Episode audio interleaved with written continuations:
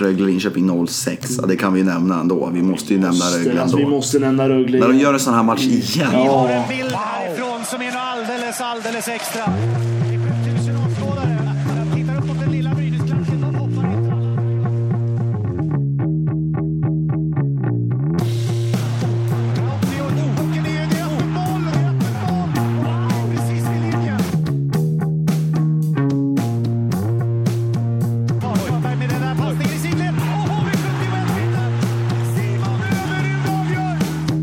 Välkomna till avsnitt 7 av Situationsrummet. SHL-podden som görs på Hockeysverige.se och svenskafans.com.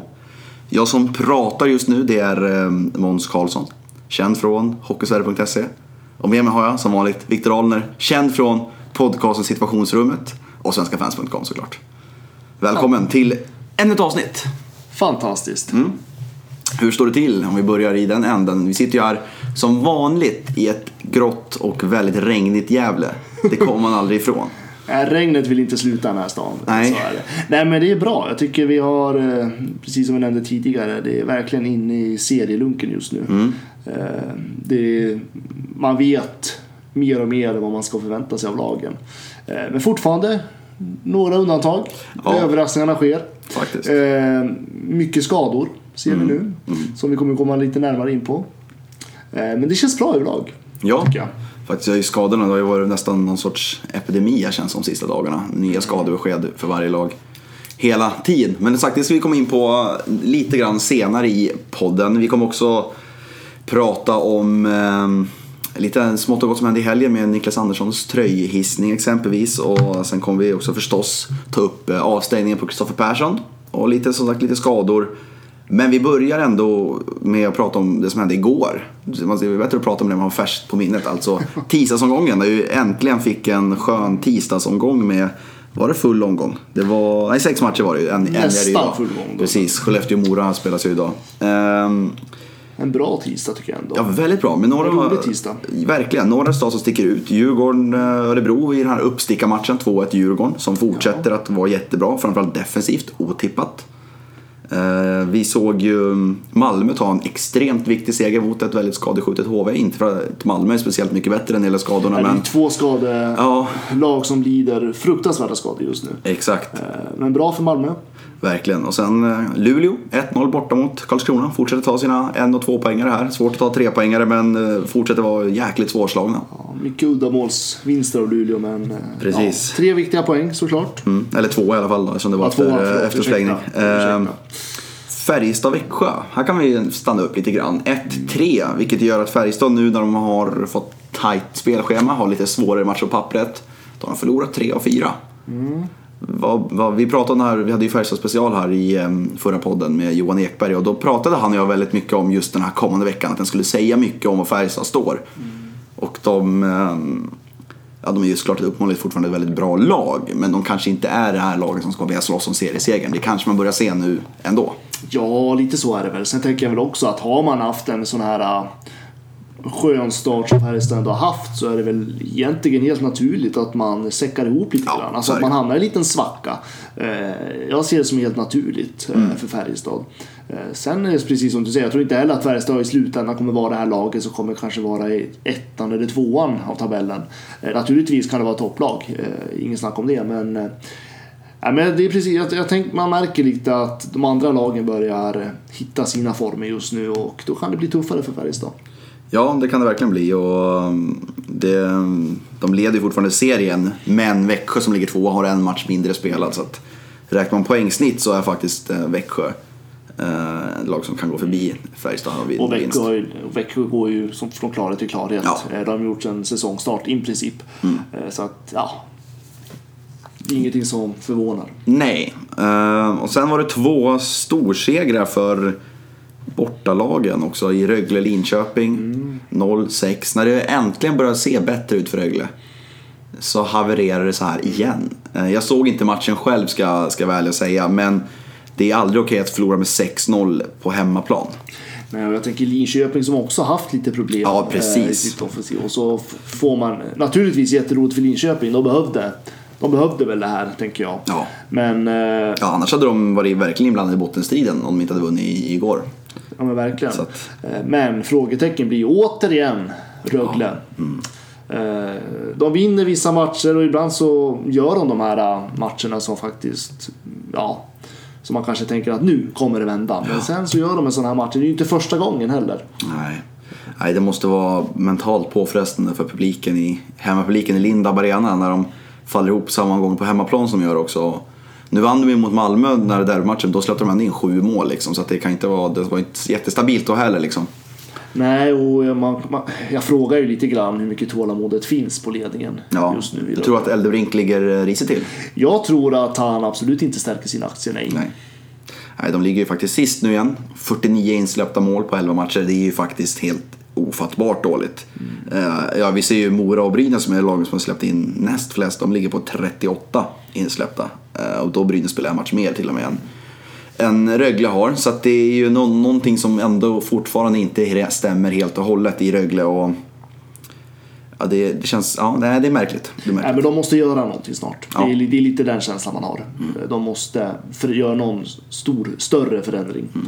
Eh, Men ja, Ja, de gjorde en liten förändring idag. Jag faktiskt plockade in eh, ett, en spelare som hade lånat ut till Oskarshamn i backen, Kevin Marshall. Så vi får se om det kan lösa något.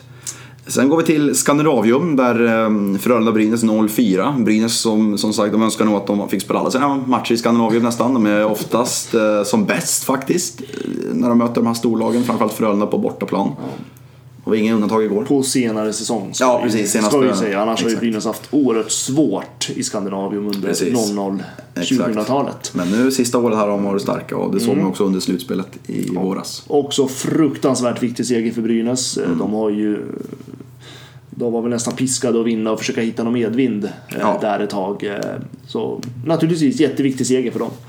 Och nu väntar ett dubbelmöte mot Färjestad eh, för Brynäs som ju kan bli ganska intressant. Färjestad som så, trots allt fortfarande leder SHL. Eh, Så det, det, det kan bli ett kul, ett kul dubbelmöte som väntar här. Ja, det blir intressanta faktorer från båda lagen tycker Mm. jag. Det ska bli intressant att se hur Brynäs kan fullfölja det här. Alltså, alltså hur mycket tar de med sig från den här matchen eh, i Skandinavium.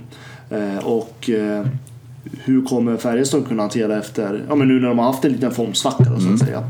Eh, kommer de kunna att vända det? Det blir intressant. Och under eh, gårdagskvällen, eller tisdagskvällen då, ska jag säga, så blev det också klart med en eh, övergång inom SHL. Mark Zanetti som var i Brynäs, har varit där de senaste två säsongerna. Fått väldigt lite speltid i år, varit sjunde back när han väl har fått vara med i truppen. Och senaste tre, fyra matcherna har han till och med suttit på läktaren. Och är ju i princip nionde back i Brynäs nu. Och då med HVs skadeproblem med Alexander Ytterell och Kristoffer Berglund och Jakob Cederholm framförallt där på, på eh, backplats. Så öppnade sig upp en plats för Mark Zanetti som är på lån där nu ett par veckor. Vad, vad tror du om det? Alltså, ja, det är klart att HV är ju i akut behov av någon form av förstärkning utifrån deras skadesituation.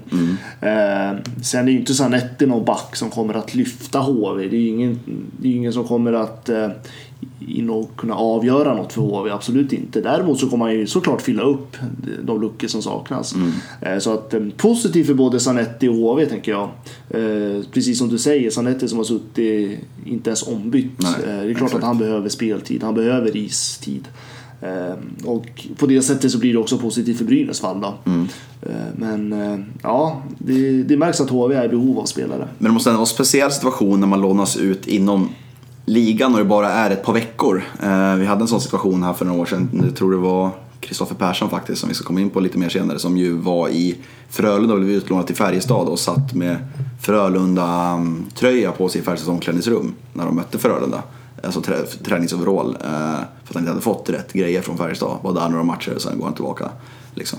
Det är ju speciellt när man lånas ut inom serien när det är korttidskontrakt. Det är en sak när man byter om det hade varit för hela säsongen, som vi såg med Marcus Fagerud exempelvis förra veckan, som vi pratade om då.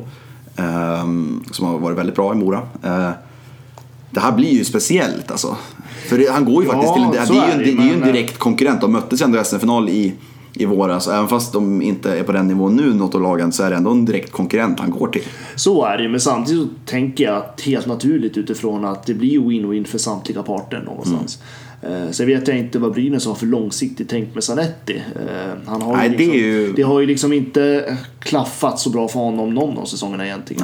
Nej, det var ju när han, första Slutet säsongen. av första Ja. säsongen för två år sedan tror jag. Precis, sen början Eh, förra säsongen det helt okej, Ja, men sen precis, har det men sen varit- har det inte gått bra. Nej. Eh, Så att frågan är hur Brynäs tänker långsiktigt. Om det här är något sätt att köpa lite tid, hur man Ja, det ska det planera eller om det bara är att man vill att han ska få istid och då var det här ett jättebra eh, val Ja. för dem.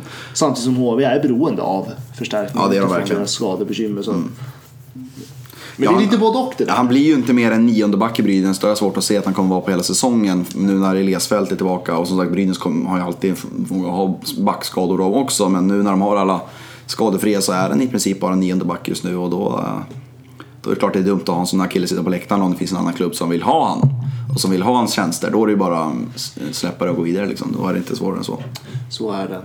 Äh, men jag tänker, i slutändan så tycker jag ändå att det, var rätt, alltså det är rätt att göra så här. Mm. Äh, Även om det är såklart, det ter sig lite märkligt när det blir så här kort stund. Alltså först är man rival och sen är man inte och sen kommer man ju tillbaka till Brynäs. Ja exakt, det skulle ju, gör han det bra ifrån sig i HV så, finns, eh, så kan man ju tänka så här, ja men då blir han säkert kvar i HV. Men jag kan också tänka så här, gör han bra ifrån sig i HV då kanske Brynäs känner att oj, den här killen vill vi inte lämna iväg till en konkurrent i SHL.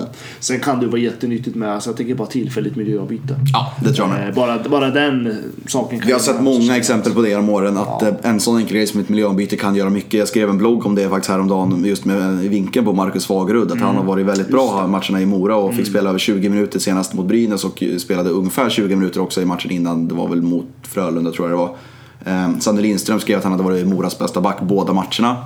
Från att inte ha fått spela någonting i Djurgården. Förra året såg vi Emil Pettersson som gick från Skellefteå till Växjö och var i princip seriens bästa spelare efter bytet. Och Jussi Ikonen som gick från Djurgården när han inte platsade i ett bottenlag, hamnade i Brynäs, ett topplag, höll på att skjuta, var med och skjuta ett SM-guld till dem. Liksom. Så att det, det, det finns många exempel på just miljöombytet, hur mycket det kan betyda. Ja, och det är liksom, och, och det märker man alltså, precis som vi när vi byter arbete ibland Mm. så kanske, alltså är vi, vi är i behov av det ibland. Eh, och, och det är lika med spelarna. Eh, att, miljöombyte, eh, bara att komma i en ny, ny grupp kan ju liksom Mm. Ja, göra verkligen. så mycket, eller en ny stad för den delen.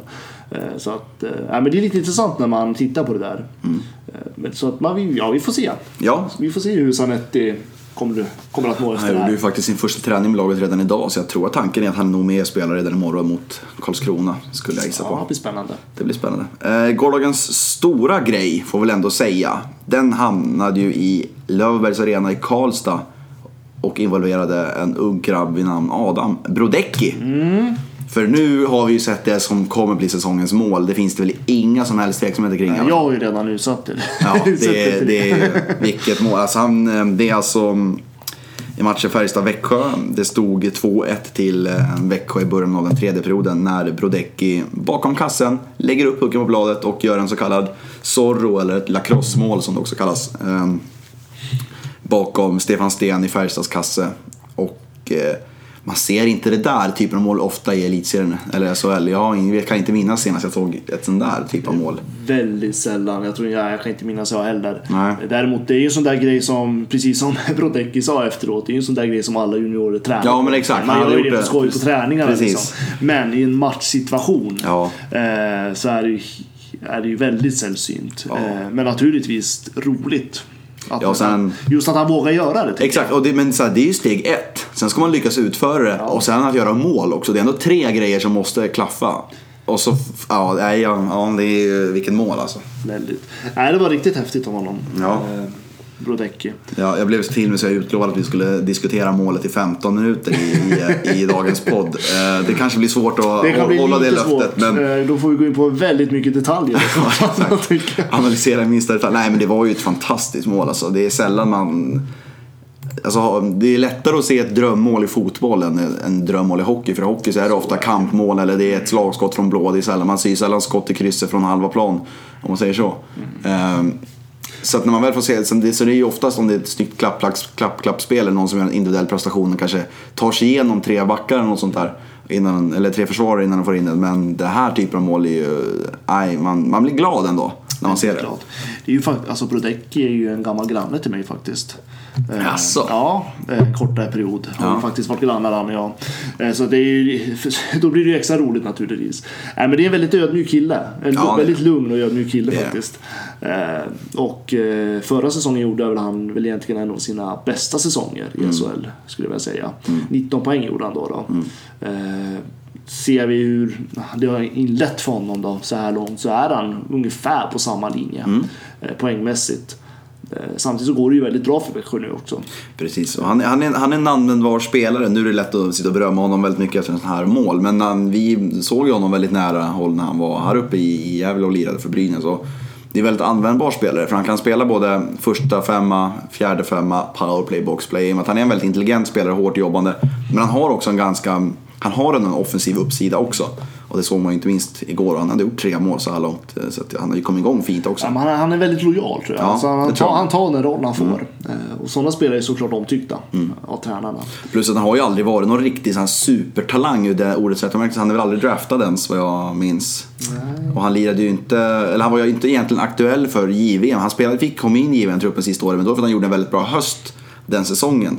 Så det var ju väldigt oväntat att han slog sig in i JVM-truppen. Så han har ju aldrig varit någon riktigt stor talang på det sättet heller. Utan han har verkligen jobbat sig till eh, den här platsen. Han, är- han lever ju lite på sitt spelsinne tycker jag. Liksom. Det är en sån här... uh, Han sticker ju inte ut Nej, så mycket i spelet. Han, sticker, han gör ju inga rubriker. Utan han gör Förutom det. nu då, han- Ja, förutom nu. Nu skapar han Nu skapar han väldigt mycket rubrik. Men annars så är ju han, alltså, jag tänker till vardags en spelare som ändå... Alltså han går och gör sitt jobb varje dag och liksom... Han, han gör det han blir tilldelad att göra. Mm. Eh, Så att, eh, det är ju en bra alltså det är en duktig spelare, det är han ju. Mm. Men det är ju ingen som, det är ingen poänggörare och det är ingen som... Ja, så ska vara en ledande spelare i laget. Nej, inte på det sättet så är det. Eh, han är inte där än. Nej. Så är det. Eh, vi fick också se en, en del rubriker kring det här skadeskjutna mötet då mellan Malmö och HV71. Där eh, HV71, eh, ja, Malmö vann ska vi säga till att börja med. Eh, en speciell match där Jonas Gunnarsson ju stod i HVs mål och nu är tillbaka i Malmö igen. Lite speciellt. Men den stora grejen var ju Kristoffer Perssons matchstraff. Efter en väldigt märklig situation med Robin Alvarez framför kassen där. Ja, det var väldigt märkligt där Men han... Eh, jag vet inte om... Det ser ju ut i början att han, att han tappar balansen. Ja precis, Alvarez, eller Alvarez faller ju först och Ja, sen ser det nästan ut som att. Persson faller över honom på något märkligt sätt. Och sätter då armbågen i Alvarez huvud. Exakt, och eh, belönades med två matchers avstängning för det. Tycker du att det var rätt med två matcher? Jag tycker inte att det är fel. Nej. Jag tycker att det ändå ser ut som att han gör en tydlig liksom, armbågsrör, eller armrörelse med armbågen, att han trycker ner liksom. Och då tycker jag att det är rätt med avstängning. Sen eh, två, ja, hur mycket det ska vara, det vill inte jag gå in på egentligen. För att det är så svårt att veta, i och med att vi har ju inte Dels är det här en väldigt märklig situation, så man kan inte gå och Ja, kolla tycker- hur de bedömt tidigare. Det går liksom inte att... Nej, Situationen är svårbedömd, Ja. tänker jag. Eh, Alltså, det är ju inte något jättetydligt att han verkligen går in Nej, för att eh, armbågs eh, tackla huvudet. Utan Precis. det är, någonstans så känns det som att i fallet Mm. så sätter han armbågen på helt fel ställe. Mm. Eh, Så det är jättesvårt att säga. Sen har det inte varit några mer eller mindre huvudtacklingar eller något sånt där under hela säsongstarten heller. Vilket gör att man kan inte gå någonting efter, ja men hur, satt, hur bedömde de den här situationen? Och så vidare heller. Utan det, det har ju varit eh, väldigt få avstängningar generellt. Här var väl den fjärde eller femte eller något sånt där tror jag. Eh, och förra året var det väl uppe i säkert det dubbla eller tredubbla vid det här laget skulle jag tro. Så att... Svår situation, men jag tycker nog att det är rätt att han... Jag tycker nog ändå att det är rätt att han stängs av. Jo men det tänker jag. Eh, i- och med att han sätter armbågen som han gjorde. Mm. Eh, sen vart det, alltså det är klart att det är en olycklig händelse. Mm. Så är det ju. Eh, men eh, jo, en avstängning, det, det kan jag hålla med om. Det blev lite ordkrig också efter matchen för Ret Rakhshani då i Malmö satt ju och såg eh, matchen och eh, skrev följande på Twitter. Eh, I've always respected Persson even though he's a pain in the ass. Not anymore. Extremely heartless elbow on Robin crossed the line. Jag kan förstå Rakhshani ändå. Så Faktiskt. är det. Alltså det är ju ändå... Det är klart att det, det, ser absolut inte snyggt ut. Nej. Eh, det gör det absolut inte. Och det är klart att det blir känslor efter sån där händelse. Mm. Eh, men jag tror inte att det var med full medvetenhet som han gick in max och sådär. Eh, olyckligt ändå. Eh, Alvarez, hjärnska, hjärnskakning. Ja, tungt, tungt för Malmö. Väldigt tungt för Malmö. Det är ju liksom... viktiga namn som framåtnamn som Fredrik Storm, exempelvis Andy Mil är borta och sådär. Eh, Och även få Alvarez som är viktig spelare i det här laget ändå. Ja, det måste man säga att han är. Eh, Och det har ju gått lite... Alltså de hade ju en bra början, Mm. men sen har det ju gått lite tyngre för dem. Precis, både för Malmö och HV nästan Mm. får man säga. Och det kanske har att göra med skador också. Jo, men det är klart att det gör det. Jag tänker att det är mycket som stör i själva strukturen, tycker jag, när det försvinner spelare. Ja, så måste man kasta om i kedjorna från match Ja, till match blir och det. sådana Det blir, ju, grejer. alltså, det blir ju inte en eh, hållbar eh, jag tänker, utveckling för spelarna. För att man formar ju inte den här eh, alltså, Nej, det är, varje, alltså kedjan. Alltså, det kugg, man kan låta det aldrig liksom kugga i nej, ordentligt. tack. Precis, det var det jag letade efter. Eh, utan hela tiden så blir det avbrott. Det kommer någon ny kille som man ska spela med. Även om det är klart de spelar i samma lag och känner varandra så. Men det blir ju det här, spelar man varje match tillsammans så behöver man ju knappt titta på varandra Nej, till slut. precis. För att hitta varandra. Och det blir ju inte den där kemin. Nej. Om det hela tiden fattas spelare och det måste tillsättas ny och man stuvar om i kedjorna och så är någon till. Alltså det blir Exakt. jättejobbigt som tränare. Ja, jag skulle vilja säga det. Som trä- det måste nästan vara värst för tränaren som måste vakna varje morgon och, och känna, aha, hur, vem är borta idag då? Eller har vi någon mer borta nu? Hur ska vi, ska vi ta upp, vem ska vi ta upp från juniorlag? Eller ska vi köra så här? Ja, och så vidare och så vidare. Ja, för jag tycker tränarna har ju ändå, de har ju ändå en tanke och en idé bakom varje spelare och Ja, varje exakt. kedja och formation man sätter upp. Eh, Så det är klart att det blir en frustration när Mm. det aldrig blir som man vill. Eh, Man har det här på pappret men i praktiken så saknas sju spelare. Mm. Det är klart att eh, det sätter ju såklart en enorm press på tränarna att, Mm. ja, att försöka forma ihop något nytt då, i det där. Ja, det, det Martin Felander, eh, Malmös assisterande tränare, var ju också riktigt upprörd efter tacklingen på Persson. Och, och det förstår jag också i och med att som sagt matchen innan så gick ju Andy Mealy sönder efter en tackling också. Så det är andra matchen i rad, så jag förstår det. Men Persson själv var ju väldigt oförstående och, och tyckte mer att jag hade ramlat, jag ramlade lite grann över honom. Och det är synd att han skadade sig, men jag tycker inte jag har gjort någonting fel liksom.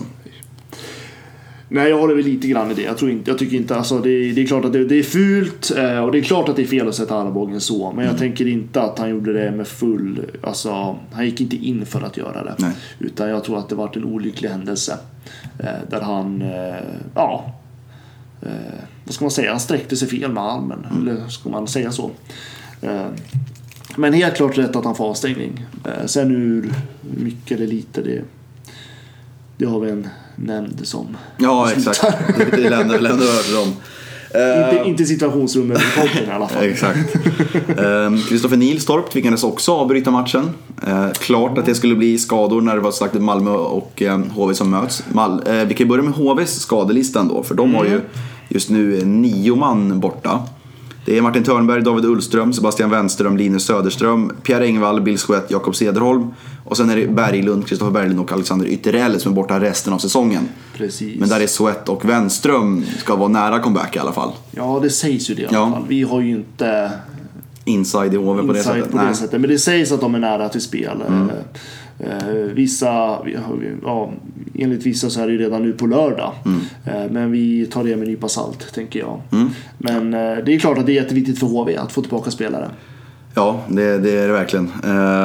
Och det är ju, de tog ju sagt in Mark Zanetti nu för att bredda upp eh, backsidan. Men de förlorar också målvakten Jonas Gunnarsson som är tillbaka i Malmö. Och det är ju på grund av Kristoffer Nilstorps skada. Och han blir borta 3 till fem månader. Så det kan ju vara säsongen i princip som är över för Nilstorp. Ja, det blir ju det typ. Om det är fem månader så är det ju säsongen. Eh, nu kommer eh, Jonas Gunnarsson tillbaka. var ju superbra för Malmö för två år sedan. Då var han ju given första målvakt. Det var ju en säsong där eh, Alsenfelt var skadad i princip hela säsongen. Och Gunnarsson inledde ju den säsongen i Pantern i Allsvenskan. Men sen när Alsenfelt gick sönder och sen gick ju också Pontus Sjögren tror jag det var som var i Malmö det året sönder. Så då blev han helt plötsligt första målvakt väldigt tidigt där. Eh, och gjorde det extremt bra. Fick NHL-kontrakt. Fick det inte alls att stämma. Kom tillbaka till Sverige i år. Men när han kom tillbaka då hade Malmö redan satt sitt målvaktspar med Alsenfelt och Nilstorp. Och dessutom värvat Tex Williamson och lånat ut honom till Leksand. Eh, så nu löste det sig bra att han fick, eh, när Pettersson Wenzel gick sönder i HV, att han fick chans där. Och sen har ju Söderström varit skadad också eh, Och är ju skadad nu. Och så nu gick hans kontrakt ut där, så det var lite osäkerhet. Men då följde sig väldigt väl för honom då att Nilstorp blev skadad istället. Så nu får han ju en plats där. Men Och det har ju inte gått jättebra för Alsenfelt heller. Nej, exakt. Den Så här han- säsongen. Jag tittar nu, han har... eh, 88 i räddningsprocent. Eh, Släpper över två mål per match Mm. snittar han just nu. Eh, Så att, eh, ingen superstart för honom direkt. Nej. Så det, det ska bli intressant att se där. Men trist, att, trist för Nilstorp, eh, tänker jag framför allt ändå. Ja, alltså, vi gick ju in den här säsongen med alltså, att se Malmö som kanske eh, ligans bästa målvaktspar. Ja. Eh, och det är ju såklart jättetråkigt för en som målvakt som Nilstorp att han får den här skadan. Eh, samtidigt som eh, det inte riktigt går som man hade kanske förväntat sig av Alsenfelt. Nej. Så det är klart att det är en stor påverkan på Malmö. Eh, Det är inte exakt känt vilken skada det är, utan de har sagt att det är en Nej. skada på underkroppen bara. Eh, Så det går inte att gå in något mer där. Men tre till fem månader skulle han vara borta i alla fall. Men som sagt, Jonas Gunnarsson är ju en väldigt duktig målvakt i, eh, på SHL-nivå. Så att de kommer ju lösa, det kommer lösa sig ganska bra för Malmö ändå. Ja, jag tänker att i sånt här läge när man har fått den här starten som Alsenfelt har fått eh, så kan det också vara ganska skönt om det är någon som faktiskt ska gå in och avlasta lite Mm. grann. Eh, Så kanske Alsenfelt också kommit upp till sin eh, riktiga Ja, och Alsenfelt, i och med att Nilstorp har varit skadad här i säsongsupptakten så har ju Nilstorp bara stått en match fram till igår också. Så att Alsenfelt har ju fått stå varenda, varenda Ja, sekund det. också. Och det är det jag tänker att Ja. kanske att det är bra om man får lite avlastning och kanske hitta tillbaka till sin form igen. Precis. Eh, Jag tror att i långsiktigt så kan det här vara bra för Malmö. Mm, det tror faktiskt eh, jag med. Och de sagt, de är ett lag som behöver komma igång och de har mycket skador och har en eh, väldigt intressant match här nu på torsdagskvällen mot, mot Luleå på bortaplan. Och den tror jag kan bli eh, riktigt intressant faktiskt. Jag tror det kan bli en, en spännande match. Det tror jag också.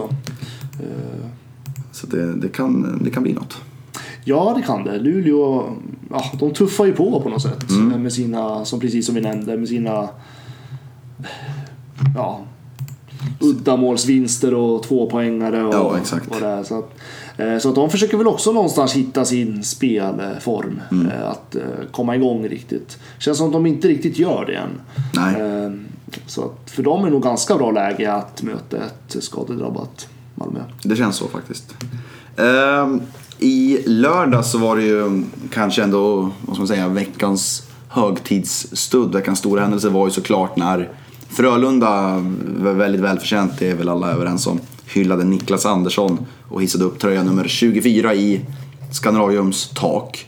En väldigt fin ceremoni och jag tycker Frölunda gjorde den väldigt bra. Alltså, eh, Niklas höll ett tal som var långt i alla fall. Jag, vet, kan, jag kan inte analysera innehållet mer än så. Det var, Eh, det var ingen som svimmade på isen. Nej, det var ingen som svimmade heller Ja. som tur är. Så att allting gick väldigt bra. Och eh, det var ju en väldigt speciell match för Elias Andersson också som ju har spelat i pappas tröja här, 24, lämnade ju över den till, till honom innan ceremonin och tog ju tröja nummer 61 istället. Och han hade, han hade ju, hade ju man säger så här, för att uttrycka det milt, han hade ju slagit sina känslor tillbaka under ceremonin Elias. Så det måste varit väldigt speciellt att gå ut och spela en match helt plötsligt sen också. Nej, det är ju jättehäftigt ändå, Mm. eh, tänker jag. Eh, Och jag menar, Niklas Andersson är ju, ja, vad ska man säga, en hjälte. Ja, alltså han, han är ju har ju en av 2000-talets... Sprutat in poäng Ja. säsong efter säsong. Eh, Ja, sagt jag kollade här och, och från säsongen 01-02 till säsongen eh, 08-09 så gjorde han något, nosade på 40 poäng och uppåt varje säsong. Sen gjorde han en säsong med 32 poäng och sen avslutade han när han var 40 år och gjorde en säsong med 44 poäng. Ehm, och så man ska ju avsluta på topp. ja, det gjorde han sannerligen och det är väl Alltså jag som började titta på hockey i, i den, eller för liksom följa SHL eller den vevan som han kom tillbaka efter att ha varit i NHL och började lira i Frölunda igen här så är ju han för mig en av de kanske tre, fem bästa spelarna i, i SHLs historia, eller alltså under den tidsepoken. Eh, Det är väl Magnus Johansson, det är väl med där uppe. Man kan nämna Jörgen Jönsson och ett par till av de där gardet liksom. Han är ju med där uppe på den nivån. Ja, jag. absolut. Han, är ju, han har ju varit, eh, alltså, det var, han, har ju varit en, han var ju den som bar Frölunda. Ja. Eh, Ja, han hade lirat i en berömd kedja med Tommy Kalli och Jonas Precis. Jonsson under många år. Precis, och, så att, och, Mm. eh, en riktig trotjänare som, eh, ja, helt rätt att han skulle hyllas.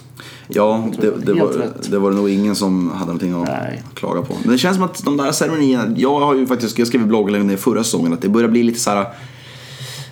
Det är som att alla lag börjar inse nu att oj, här ligger Sverige efter så nu måste vi ta igen och hylla alla spelare som behöver göra det. Så det känns som att det kan bli lite mycket för vi har ändå haft Niklas Falk den här säsongen, vi hade det där och AIK ska hissa upp någon, någon, någon, månad, eller någon månad också. Lite, nu spelar de SHL, men alltså det, det är väldigt många klubbar som att de måste ta ikapp sin historia nästan. Ja, så jag och Rickard Wallin har ju såklart haft den här säsongen också. Jag tycker särskilt de här äh, klassiska klubbarna. Jag tänker Djurgården, Mm. Brynäs, Färjestad, Frölunda.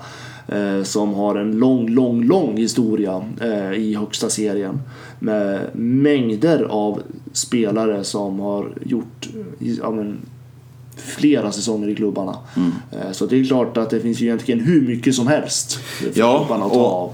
Eh, nu lever ju inte alla spelare heller, men Nej, det ju. eh, det finns ju de, de som fortfarande gör det. Så att jag tänker, det är ju en väldigt stor process egentligen Det för många klubbar. Ja, och det, det nu känner ju så här, Niklas Andersson han är ju given att han ska upp i taket. Det är ju ingen som, som ändå kan argumentera mot det. Men jag känner ändå att det känns nästan som, om man vet så här, om det är en ceremoni varje helg och så här till slut. Det är nästan där man hamnar. Det har ju varit den sista veckan och sagt med Rickard Wallin och sen var det Niklas Falk och sen där.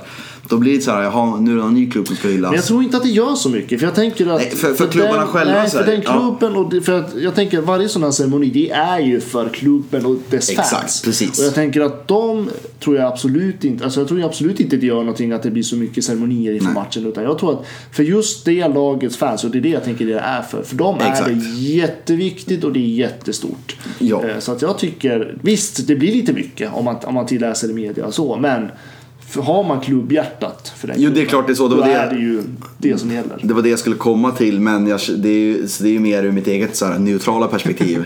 jag som bevakar eh, ligan eh, liksom som mitt, eh, som mitt jobb. Så är det så här, jaha, vem är det som ska hyllas den här veckan då? Ja. Men sen sagt, sen finns det givna killar. Niklas Falk är ju tokgiven, Rickard Wallin är tokgiven, Niklas Andersson är tokgiven. Det är klart alla de tre är, ska ju hyllas av sina klubbar och ska upp i taket. Det är inget snack om saken och jag tycker Niklas Andersson är den mest givna av de tre. Så det är det är klart han ska få, den, få de hyllningarna. Mm. Inget snack om saken. Men jag vet inte, jag, ibland kanske det inte blir mycket bara. Ja, nej, jag håller inte med dig Nej. där. Eh, Men jag ska ju också tala för fansen, så att säga. Ja, just det. När jag är. Svenska fans. Ja, Exakt. Eh, Jag så- gör den här cyniska eh, journalisten. Ja. Precis, nej men, nej, men jag håller inte med. Jag tycker att, jag, jag gillar det ska vara ceremonier och sen om det blir mycket, då får det vara mycket.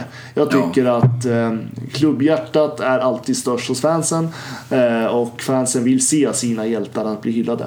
Mm. Och då ska de också hyllas. Ja, det har varit tre väldigt bra. Nu blev ju Djurgårdens ceremoni blev som den blev. Det är inte så mycket att göra å, någonting åt att det var ingen som kunde förutse att den skulle bli. Men jag tycker ändå att det har varit eh, liksom, de, om vi kan, de andra två som man kan bedöma. Färjestad som är Rickard Wallin och Frölunda som är Niklas Andersson tycker jag har varit väldigt fina och bra hyllningar båda två. Så att, eh, Det har ju blivit bättre och bättre. Ja, verkligen, ja. liksom... eh, jag minns för några år sedan bara, då var det ju eh, riktigt B alltså. När de gjorde sina Man hyllningar. hör väl inte ens tal då? Alltså spelarna själva tror jag Nej, inte tal knappt. på den tiden. Någon kortis kanske, men är inte mer än så. så det, jag tycker det är kul att det går åt rätt håll. Och de, Ja men det tycker jag också. Man ska, man ska göra, alltså man ska, jag tycker, jag som älskar klubbhistoria, Mm. eh, jag tycker man ska ta tillvara på den historia man har faktiskt. Särskilt om man är en förening som har varit med lite längre tid. Mm. Så tycker jag absolut att man ska lyfta fram det mer. Jag tycker vi är för dåliga på det i svensk hockey. Det tycker jag också. Det tycker jag också. Så det, det, är det är lite grann det jag känner. Så här, nu är det många klubbar som känner att oj, nu ska vi bli bra på det här. Och sen så, eh, så ska, tänker alla klubbar så samtidigt istället. Och då blir det för oss neutrala då. Eh, som ju absolut inte är målgruppen för de här. Så att jag förstår ju att min kritik inte eh, är så mycket värd hos de inblandade parterna. Nej men så är det ju naturligtvis. Sen är det ju så att det ska ju vara de här klubbarna som faktiskt har en historia också. Mm. Eh, Det får ju inte vara de här nya. Så det är klart att de, de skapar ju sin historia nu men Ja. jag tänker ska man lyfta fram en historia så ska det faktiskt vara en historia. Jag håller helt och hållet med. Eh, vi, vi, är- det blir det är lite kortare avsnitt den här veckan. Eh, så vi, vi håller oss kvar till den här matchen då, Frölunda-Skellefteå. Men vi går in på veckans avstängning redan nu faktiskt. Och för den blev vi hämtad från just den matchen med hyllningen av eh, Niklas Andersson. Och det var ju det avgörande målet som ju Ja. är Ja, väldigt märkligt för att det är ju Viktor Olofsson, han som ju också avgjorde när de möttes i kvartsfinalserien, eh, match 7 i förlängning i våras. Eh, klev fram igen och avgjorde mot eh, Skellefteå i förlängning. Men sättet han avgjorde på är ju märkligt för pucken är ju aldrig över linjen. Inte när man tittar på uh, reprisen. Nej, det finns ingenting som säger att Det den är finns över ingenting linjen. som säger att den är över linjen. Eh, Men eh, jag vet inte, var det inte lite det där vi varnade för första Jo, avsnittet? vi pratade faktiskt om det. Jag satt och lyssnade på det innan vi eh, spelade in här. Och Mm. de säger, eller det, det vi säger då är ju att vi tycker att i grunden att det är bra det här med att det är domaren som har makten på ett annat sätt. än situation. Nu är ju sig just den här situationen inte en... Då handlar det ju mer om att domaren skulle ha makten i situationsrummet. Nu var det faktiskt så att situationsrummet sa att de inte visste hur det var och då är det domarens ord som gäller. Men det, är ändå, det kan ändå kopplas till det för att när domaren får mer makt så får också den mänskliga faktorn mer makt och då är, blir det också fler fel. Det är liksom Så är väldigt det. naturligt. Samtidigt så tänker jag, alltså jag förstår, det är ju skitrökigt att eh, när man ser, alltså om man hejar på det laget, att Mm. man drabbas av det. Samtidigt så tänker jag, så länge man köper det här att domaren ska ha mer makt, Mm. eh, som du säger, så är det ju den mänskliga faktorn avgörande. Och eh, man får ju, alltså jag tycker någonstans man ska, man ska se charmen lite i det också. Eh, Ja. ja, att det kan bli fel, men i slutändan så bru, brukar man det brukar jämna till sig med situationstecken.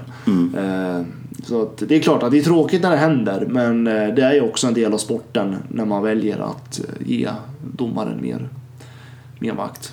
Bert Robertsson eh, var ju som han ofta är när de, Skellefteå och Frölunda möts väldigt upprörd efter matchen. Det har ju, de har ju förmåga att bli alltid irriterat mellan Frölunda och Skellefteå. Alltså det spelar ingen roll. Liksom, nu var det en jättefin dag med ceremoni och allting. Det var jättebra stämning och sen så blir det ändå bråkigt för han skyllde ju lite grann på den personen som skjuter igång raketerna när Frölunda gör mål. För att det var ju, efter det upplevde han som att det var då Morgan Johansson pekade på mål. Att den blev lurad av de där raketerna som avfyrades helt enkelt. Och det var han upprörd över. Alltså, jag kan förstå det lite grann. Ja, jag kan också göra det eh, faktiskt. Den här raketen, jag vet inte hur många man har hört som re- retar sig på den där raketen. Eh, sen Ja, man ju... just Frölunda har ju faktiskt haft en historia av många märkliga grejer i, en- i, just när det gäller mål och måldomar och sånt där. Oh ja. Eh, och det är klart att om man, alltså, om man tänker psykologiskt, eh, som jag älskar att tänka. Eh, det är klart att det där kan påverka. Mm. Absolut är det så. Eh, så att eh, Bert han är inte ute och cyklar. Sen kan man ju tycka eh, alltså, i stridens hetta efteråt att det kanske är lite löjligt att skylla på det. Ja. Men jag, jag tänker i sak så har han ju inte fel. Men, det, men jag tänker det är ju upp till SHL att avgöra om man får ha sånt här eller inte. Och så länge man får ha det, då gör ju inte Frölunda något fel egentligen. Nej, han sa ju orden så här kan vi inte ha det i svensk hockey. Dundrade han efter matchen till och med. I sann, Nej, och jag tänker i sann Bert Robertson-anda. Ja, det är samarbete. Men jag tänker att det är ju en fråga som svensk hockey får ta i så fall. Och så länge man får ha det så är det ju inget fel att Frölunda har det heller. Nej, nej absolut inte. Men det, det var ju synd att det, blev ett avgörande mål och att det blev på det sättet som det var. Och det var ja, det är ju en svår, väldigt svår situation men vi utnämnde ändå det till veckans avstängning för att det är ändå ett avgörande mål när pucken inte är inne. Nej, och det är ju jäkligt olyckligt. Och ingen, och Morgan Johansson, domaren, sa ju det också att jag har inte sett den, att den är inne på någon bild. Men det var det som var min, det var det som var min magkänsla. Situationsrummet sa vi kan inte avgöra det här. Då är det domarens ord som gäller. För de kan inte garantera att pucken inte är inne heller. Nej. Så det är ju en, det är en märklig och han var ju situation. tvungen att ta ett snabbt beslut. Precis, och då måste han ju ta det som han, som han tog och då är det ju, då är det ju mål. Så är det. Så att, jag, tycker inte att man, man ska inte skylla på domaren i det egentligen. Mm. Utan egentligen ska, är ju hela situationen väldigt svår. Alltså det är en svår situation för domaren. Sen gjorde, nu var det olyckligt, han gjorde fel beslut. Men Ja, och speciellt eftersom det blev avgörande också. Ja. Ja. Ja, nej men det var... Hoppas vi inte får se så mycket av sådana där situationer. Ja, det, blir ju, det kan ju bli jobbigt. Tänk, låt säga att det där hände, att det hade varit eh, kvartsfinal sju i våras och var förlängningen då som ja. Frölunda ju vann och Victor Olsson avgjorde då också. Om det säger att de två målen hade bytt plats, att det var det här målet som hade kommit då istället. Nu var ju regeln, hade kanske, jag vet inte exakt om regeln ändras även där, men om vi säger att det var de här reglerna som gäller nu och så hade ett sånt mål blivit avgörande. Det hade ju varit fruktansvärt. Ja, det hade då varit- hade Bert Robertsson Ja. varit, Då hade vi nog kunnat få ett, alltså oj, då hade varit, Bert varit vansinnig. Ja, du, då hade vi sett, inte bara han. Nej, jag, nej. det skulle ju Men vara, han är väl den som är bäst det på att skulle ju vara medial ramaskri. Ja, så är det. Men han är ju den som är bäst på att uttrycka sina, sina känslor Jo, gör, så det, gör är det tydligast i alla Så fall. är det och det är ju, det det, det är ju hans karaktär. Ja, exakt. En, en van, man, man, man, gillar ju ändå att se en vansinnig Bert. Alltså, så för det, det, han behövs. Men alltså, Och- han, är ju, han, är just, han, är, ju- han, han är ju blivit profil av det där. Ja, verkligen. Eh, Jag tycker, men jag tycker alltså, det är charmigt på något sätt. Man behöver, alltså, vi har för många stela Håller tränare som inte med. visar känslor. Som, jag tycker om när man faktiskt, alltså, menar, det är klart som sjutton att man ska bli förbannad, man ska bli glad, man ska Ja. liksom, känslor är ju en del av sporten. Exakt, och framförallt Bert och Roger Rönnberg har ju en skön historia. Så det, är- ja, det händer alltid grejer när de två Det gör det och det, och det är vi tacksamma för. Det är verkligen. Ehm, vi avslutar positivt då med Ja. veckans stjärna och min behöver vi egentligen inte gå in på så mycket för att det är ju såklart Adam Brodecki. För gör man det där målet man, han gör då förtjänar man omnämnas två gånger i den här podden faktiskt. Ja, och som sagt, vi har ju konstaterat att han är årets mål. Ja, det Redan måste nu har vi det. konstaterat. Ja, ja, vad skulle kunna överträffa det? Det är ju nästa. Och det är ju om man skulle slå upp den till sig själv på något sätt och slå in den på volley mål. och sådär. Det, det, det känns Ja, osannolikt. men jag välkomnar utmanaren. Ja, verkligen. Utmanare. Nu är, det dags, nu är det dags för de andra spelarna i SHL att Ja, nu måste de visa. steppa upp här. Men du har ett annat namn som vi inte har nämnt hittills, Nej, men som också förtjänar omnämning. Ja, jag tänkte lyfta fram en junior, eller en ung spelare. Mm. Alexander Bjurström eh, i Brynäs eh, gjorde sitt första SHL-mål mot Frölunda Mm. eh, när de vann med 4-0. 4-0. Eh, han gjorde också 1 plus 1 den matchen. Och det var ju, om, vi, om Brodekis mål var årets mål så är i alla fall Bjurström det näst snyggaste den gångna veckan får man säga. Ja, det var riktigt snyggt. Ja. Eh, Ribba in. ribba in. Inte alls var man, eh, man var inte beredd på det riktigt Nej. kände jag. Eh, Men eh, jätteroligt för honom, jätteroligt för Brynäs. Jag tänker hela kontexten, sammanhanget han gjorde det där målet var ju en Mm. superkväll för Bjurström. Eh, Så att, eh, värt att lyfta fram. Ja, och han fick ju chansen i um, andra kedjan där med Aaron Palusha och Linus Ölund också i och med att Daniel Paille gick sönder sent eller blev skadad sent. där. Så han fick ju en topp, eh, chansen i en av toppkedjorna och tog den också. Så det, var, ja, det var häftigt faktiskt att, att se. Så det tycker jag också var ett, ett bra namn att lyfta fram. Ja, då är vi överens. Ja. Ehm, nästa vecka tänker vi oss kanske att vi, då blir det lite längre. För då har alla lag åtminstone spelat en fjärdedel av säsongen. Vissa lag har gjort 13 matcher redan nu. Eh, eftersom tabellen haltar. Vissa lag står på 11 och sådär. Så vi känner att nästa vecka då kör vi ett större grepp och summerar den här första fjärdedelen av eh, SHL-säsongen. Då kommer det också ett landslagsuppehåll eh, där i de trakterna också. Så vi kan eh, verkligen gotta ner oss i alla de här 14 klubbarna och sätta lite betyg, betyg och gå in på dem en för en. För det är vissa klubbar som vi har pratat mer om av förklarliga skäl och vissa klubbar som vi har pratat mindre om av förklarliga skäl. Men då får alla klubbar eh, rejäl uppmärksamhet där. Så då blir det ett lite längre och mastigare avsnitt. Så det har ni att se fram emot om en vecka. Eh, annars är det... Blir roligt. Det, blir, det ska bli riktigt kul faktiskt. Annars är det ju som vanligt att vi vill ju uppmana er att följa oss på sociala medier. Twitter och Facebook. Det är bara att söka på situationsrum och situationsrummet en podd om SHL heter det på Facebook. Ja, på Facebook ja. Ja, och situationsrum då på Twitter. Där heter vi också Viktor Olner heter du och jag heter Mans Karlsson Jao där. Sen finns vi på Acast, iTunes där ni kan eh, prenumerera på oss. Och det, är, det är bra att göra det för då får ni podden lite tidigare än när vi går ut med den på, på sajterna. Då kan, dyker den alltid upp några timmar tidigare så ni har den till frukostkaffet kanske eller eh, promenaden till jobbet eller skolan eller vart ni nu ska. Eller promenaden med hunden kanske. Precis, vi är med överallt. Exakt, så det är en, en bra start på torsdagen. får ni alltid ett bra grepp också inför kvällsomgångarna. Eh, omgångarna. och det är ju, vi kan ju avsluta då med, med matcherna som spelas här på, på torsdagskvällen. Då är det ju Luleå, Malmö som vi varit inne på, Brynäs, Färjestad, Växjö, Frölunda, Linköping, Rögle och HV71 Karlskrona. Många spännande matcher. Många riktigt spännande. Och vi sitter ju och bevakar Brynäs Färjestad lite extra. Så det ska bli kul att se Mm, vi befinner oss ju i serieledarna. Gävle så att det, är ju, det blir ju så. Det blir kul att se serieledarna på besök i stan. Ja, det blir riktigt häftigt att se Färjestad. Det ser jag fram emot. Mm. Men eh, tills vi eh, hörs så om en vecka igen så får ni ha det så bra allihopa. Ta hand om er.